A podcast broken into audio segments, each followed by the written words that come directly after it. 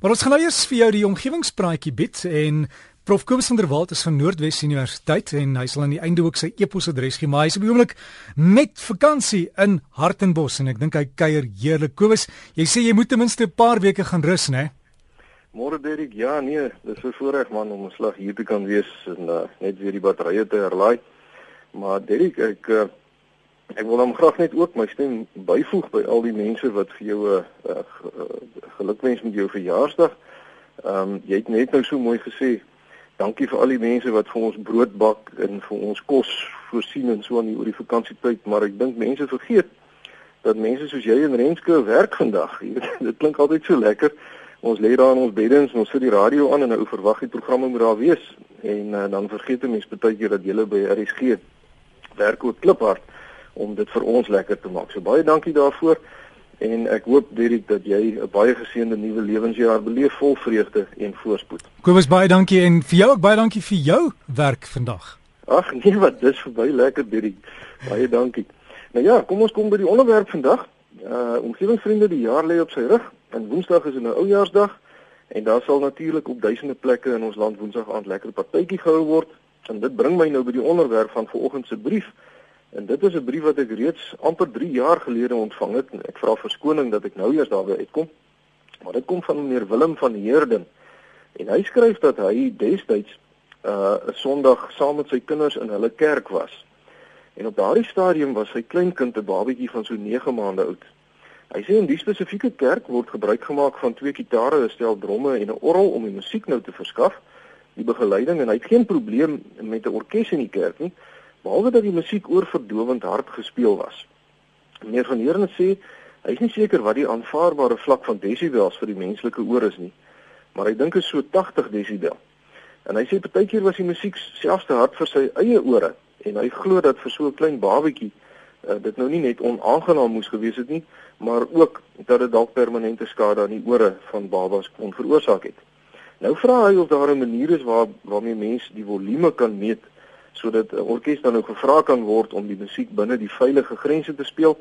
Hy sê hy geniet die musiek, maar as dit so hard gespeel word, is hy bang dat mense se gehoor dalk permanent beskadig kan word en wat gebeur dan? Sal die kerk die verantwoordelikheid aanvaar daarvoor en instaan vir die kostes van gehoortoetse en gehoorapparate? Uh en dit is natuurlik 'n vraag wat nou nie net vir 'n kerk geld nie, maar ook vir byvoorbeeld opvoerings. Baie dankie meneer Willem van Heerden vir u navraag. En ek moet sê ek deel u kommer Uh, en soos ek gesê het, uh, deesdae as ek na opvoerings toe gaan, ek weet nie Dennik of dit is omdat ek bietjie ouer word nie, maar dit, dit klink vir my of sommige orkeste of klankingenieurs dink hoe harder, hoe beter. En ek sien baie kere dat klein kindertjies saamkoek reg voor die verhoog, want hulle wil mos nou naby aan die sanger of die orkes wees.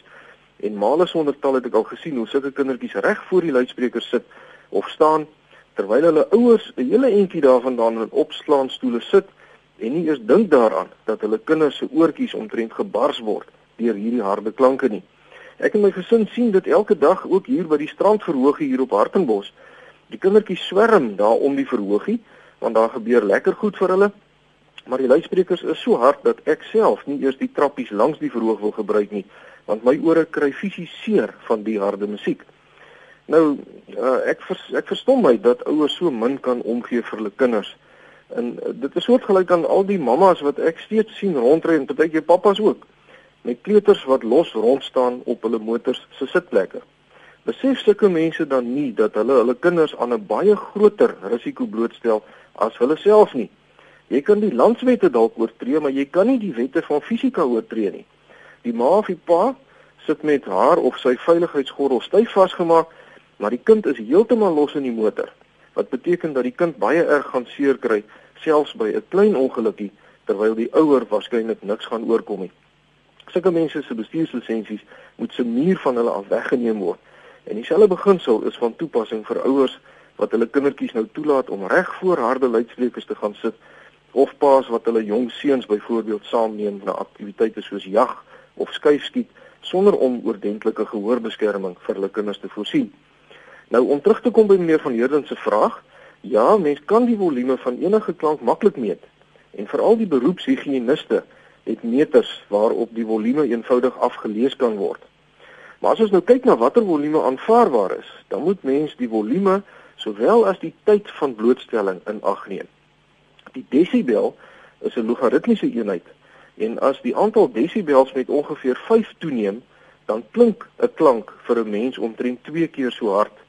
So 'n volume van 85 desibel sal vir jou 2 keer so hard klink as 'n volume van 80 desibel. Nou as twee mense normaalweg gesels, dan is die volume omtrent 60 desibel. 'n Harde telefoon se luitoon is so 80 desibel en vragmotors wat 'n entjie van jou af verbyry omtrent 90 desibel. 'n Lugdrukboor wat omtrent 15 meter van jou af aan die werk is, is 95 desibel. En reeds op hierdie vlak kan gedurende blootstelling lei tot permanente gehoorskade. En nou met ons handige hansies en die manne wat self hulle gras sny mooi luister. 'n Handboor se geraasvlak is 98 desibel. 'n Petrolgrassnyer 107 desibel en 'n elektriese saag 110 desibel. So dit is baie dom en om met iets soos 'n hoekslyper of 'n grassnyer te werk sonder om jou gehoor te beskerm. Nou terug by musiek. 'n Harde rock konsert is tipies omtrent 125 desibel met pieke van tot 150 desibel.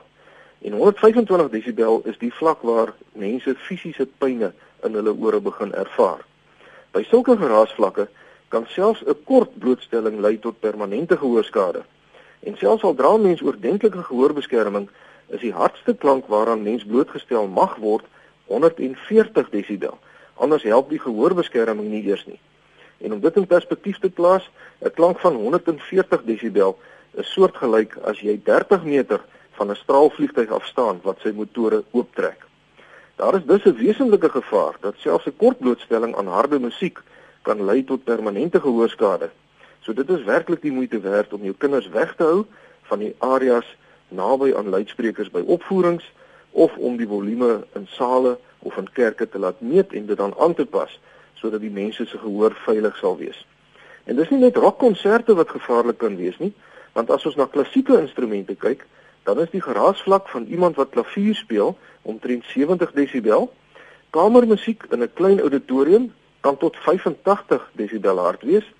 'n Viool kan 92 desibel bereik terwyl 'n cello en 'n hobo 112 desibel hard kan wees.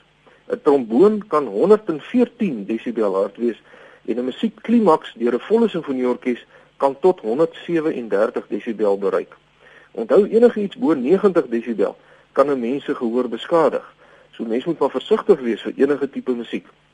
Net so terloops Derek, ehm um, die navraag het gegaan oor 'n orkes in 'n kerk, maar die ander tradisionele instrument in 'n kerk is natuurlik die kerkorrel. En as ons nou na kerkorrels kyk, dan is die grootste en hardste orrel wat ooit gebou is, die Boardwalk Hall Auditorium orrel in Atlantic City in die VSA. Nou die orrel het 'n allemintige 33116 pype. En die elektriese motors wat die wind vir die orrel verskaf, het 'n drywing van 450 kW of 600 perdekrag in die ou taal. Nou een van die groot pype van hierdie orrel kan 'n volume van 130 desibel produseer wat natuurlik permanente gehoorskade sal veroorsaak. Omgewingsvrede vriende nog 'n rede waarom ek die onderwerp van volume en klank vanoggend behandel is om te versoek dat ons almal maar asseblief die reëls en regulasies met betrekking tot vuurwerke sal gehoorsaam op Oujaarsand. Want honde se gehoor is byvoorbeeld 4 keer so sensitief soos mense se. En sommige vuurwerke kan ontsettende harde klanke voortbring wat nie net ons en ons kinders se ore nie, maar ook die van al die ander lewende organismes in die natuur baie skade kan aandoen. Dit daarmee sluit ek af. Ek wil graag 'n baie voorspoedige nuwe jaar aan jou en aan al ons omgewingsvriende toewens. En as enige iemand vir my wil skryf, is u natuurlik baie welkom. My rekenaaradres is kobus.vanderwalt@nwu.ac.za of u kan my kry by die fakulteit Natuurwetenskappe, Noordwes Universiteit, Potchefstroom 2520. Vriendelike groete tot 'n volgende keer. Ok, was net voor jy weghardloop daar en verder vakansie gaan hou. Ehm um, is daar 'n toepassing waar mense hierdie desibels mee kan meet op jou selfoon? Weet jy daarvan? Ja, Dirk, ek weet daarvan. Ek het dit nou nie uh, dankie dat jy my herinner daaraan. 'n Mens kan 'n toepassing aflaai. wat jou selfoon dan vir jou ehm um, dit is natuurlik hierdie slimfone. Ehm um, mens kan seker maar net vir jou kinders vra dan uh, as jy uh, die toepassing aanskakel dan wys die selfoon vir jou hoe hard die klank is. En as dit enige iets bo 85 na 90 desibel is, dan moet 'n mens maar versigtig wees. En Kobus, nou het jy my ook hier aan die bekommer want as 'n mens gimnasium toe gaan of jy sien deesdae mense loop heeldag met die oorfoontjies rond, hoeveel desibel kan daai klein oorfoontjies in die ore aan aan jou oor verskaf? Ja, nee, dit kan definitief ook permanente gehoorskade uh, uh, veroorsaak. Ehm um, meeste van die van die selfone en die die iPods en die goeder sien dit het daarmee 'n tipe van 'n grens wat jy wat hulle vir jou vra as jy hom harder as dit wil sit dan moet jy uh bewustelik 'n knoppie druk om hom verby die grens te skuif en daai grens dink ek is die hardste wat jy eintlik verantwoordelik met jou ore kan omgaan. Uh maar nou ja, kindertjies moet dit gewys word, nê, want anders ter gaan hulle dit natuurlik uh, so hard as moontlik maak. Dis mos nou hoe, hoe moet 'n kind nou weet hy moet dit hy moet versigtig wees daarvoor. So ons ouers se verantwoordelikheid in hierdie verband asseblief is jy weet later van tyd op 20, 30 jarige ouderdom dan begin die gehoor agteruit gaan en wonder almal nou waar kom dit vandaan? En dan is dit toe Sunny of Jannie 5 jaar oud was en voor 'n reg voor 'n luidspreker gaan sit. Ja, Kobus aan Worten se hoe sê nasie, né? Ja. Kobus net net net voor ons klaar maak, ek net gebeur hoor dan jou een nuwejaars voorneme want kyk die nuwe jaar lê voor ons. Wat is dit? Erik, ek moet gewig verloor. Ek ek is besig om so 'n bietjie rond te word en veral hier op vakansie eet ou ons nou, jy weet, daar's nie brieke nie. Uh so ek het myself voorgenem volgende jaar as ek hier op die strand loop, dan gaan ek lyk soos meneer Atlas, hoor. so Kobus, jy's eintlik 'n 'n gesellige, mollige Kobus van der Walt. Op hierdie stadium ja, Erik. Kobus, jy oorweeg nie laipo nie, né? Nee, nee, nee, nee, nee, ek uh nee, nee, nee, daai is net nie vir my nie. Ek kan hoor hoe skrik. Ek goeie alles van die beste en voorspoed vir die nuwe jaar. Dankie Derrick, dieselfde vir jou en al ons omgewingsvriende. So gesels ons dan met Kobus van der Walt van Noordwes Universiteit kuiery lekker daar in Hartenbos. Sy e-posadres en daai geneer stuur in die nuwe jaar vir jou kan antwoord te Kobus met 'n K.